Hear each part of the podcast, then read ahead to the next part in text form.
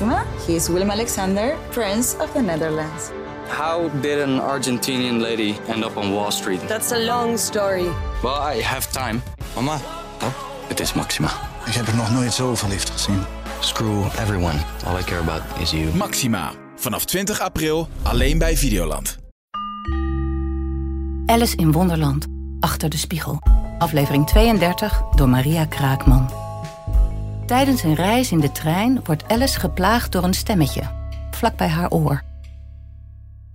Nou, plaag toch niet zo, zei Alice, terwijl ze vergeefs rondkeek om te zien waar de stem vandaan kwam. Als u zo graag grapjes gemaakt wilt zien, waarom maakt u dit dan niet zelf? Het stemmetje zuchtte diep. Het was kennelijk heel droefgeestig. En Alice had ter vertroosting best iets medelijdends willen zeggen, als het, dacht ze, nou maar gezucht had als een gewoon mens. Maar dit was zo'n wonderlijk zuchtje dat ze het helemaal niet gehoord zou hebben als het niet heel dicht bij haar oor had geklonken. Het gevolg hiervan was dat haar oor er erg van ging kriebelen, wat haar gedachten geheel afleidde van de droefgeestigheid van het arme kleine wezen. Ik weet dat je een vriendin bent, ging het stemmetje voort. Een lieve vriendin en een oude vriendin, en jij zal me geen kwaad doen, ook al ben ik wel degelijk een insect.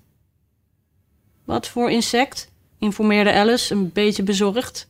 Wat ze in werkelijkheid wilde weten was of het kon steken, ja dan nee, maar dat leek haar geen erg nette vraag. Wat vind je dan niet? begon het stemmetje, waarna het verdronk in een schrille schreeuw uit de locomotief en iedereen geschrokken opsprong, Alice net zo goed als de rest. De hengst, die zijn kop uit het raam had gestoken, trok hem rustig weer in en zei: We moeten eventjes over een beek springen.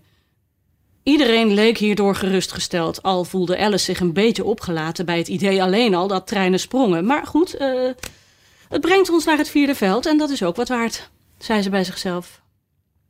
Direct daarop voelde ze hoe het rijtuig opsteeg, loodrecht de lucht in. En in haar angst greep ze naar wat het dichtst bij de hand was en dat was toevallig de baard van de geit. Maar de baard leek weg te smelten toen ze hem aanraakte en ze bleek rustig onder een boom te zitten. Terwijl de mug, want dat was het insect waarmee ze gepraat had, op een twijgje vlak boven haar hoofd zat te schommelen en haar met zijn vleugels koelte toewaaierde. Het was stellig een heel grote mug. Zowat even groot als een kip, dacht Alice. Toch kon ze zich bij haar niet zenuwachtig voelen nu ze zo lang met elkaar hadden gepraat. Vind jij dan niet alle insecten leuk? ging de mug voort, zo rustig alsof er niks gebeurd was. "Eh, ik vind ze leuk als ze kunnen praten, zei Alice. Er praat er nooit een waar ik vandaan kom. Wat voor insecten verheugen je waar jij vandaan komt? informeerde de mug. Nou, eh, verheugen doen insecten me helemaal niet, legde Alice uit, want ik ben er nogal bang voor, tenminste de grote soorten. Maar ik, ik kan je wel een paar namen noemen. En ze luisteren natuurlijk naar hun namen, opperde de mug nonchalant. Niet dat ik weet. Wat hebben ze eraan om een naam te hebben, zei de mug, als ze er toch niet naar luisteren? Zij hebben er niks aan, zei Alice, maar de mensen die ze die namen geven hebben er wat aan, denk ik. Want waar hebben dingen anders namen voor? Ja, ik zou het niet weten, repliceerde de mug. Verderop, daar ginds in het bos, hebben ze geen namen. Maar ja, eh, ga door met je, eh, met je opsomming van insecten, je verspeelt tijd. Nou, je hebt de paardenvlieg, begon Alice, terwijl ze de namen op haar vingers telde. Goed, zei de mug. In die struik, op halve hoogte, zie je als je goed kijkt een hobbelpaardenvlieg. Hij is helemaal gemaakt van hout en verplaatst zich schommelend van tak tot tak. Waar leeft hij van? vroeg Alice met grote nieuwsgierigheid. Spint en zaagsel, zei de mug. Ga door met je opsomming. Alice keek met grote belangstelling naar de hobbelpaardenvlieg en besloot dat hij net opnieuw geschilderd moest zijn. Zo glanzend en plakkerig zag hij eruit. En toen ging ze voort. En dan heb je de waterjuffer. Kijk eens op de tak boven je hoofd, zei de mug. Daar vind je een vuurwaterjuffer. Haar lijf is gemaakt van plumpudding, haar vleugels zijn van takjes hulst en haar kop is een rozijn die brandt in brandewijn. En waar leeft ze van? vroeg Alice, net als eerder. Gismeelpudding en pastijtjes, gaf de mug ten antwoord. En ze maakt haar nest in een kerstpakket. En dan heb je de vlinder, ging Alice voort, nadat ze nog eens goed gekeken had naar het insect met zijn brandende kop en bij zichzelf had gedacht: Ik vraag me af of insecten daarom zo graag in kaarsen vliegen, omdat ze vuurwaterjuffer willen worden.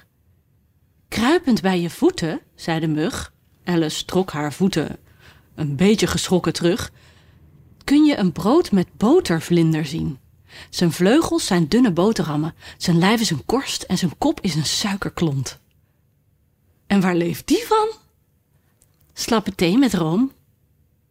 Een nieuwe moeilijkheid kwam in Alice's hoofd op.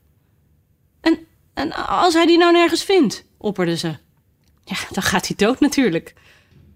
Dat moet dan wel heel vaak gebeuren, merkte Alice bedachtzaam op.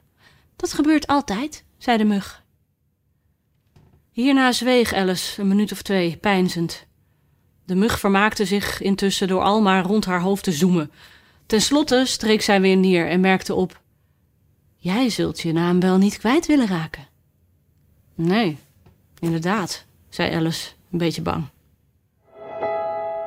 De volgende aflevering wordt gelezen door Marieke Hebink. Alice in Wonderland is een podcast van Internationaal Theater Amsterdam, Het Parool en Stepping Stone Producties. Vertaling Nicolaas Matsier, uitgeverij Meulenhof Boekerij.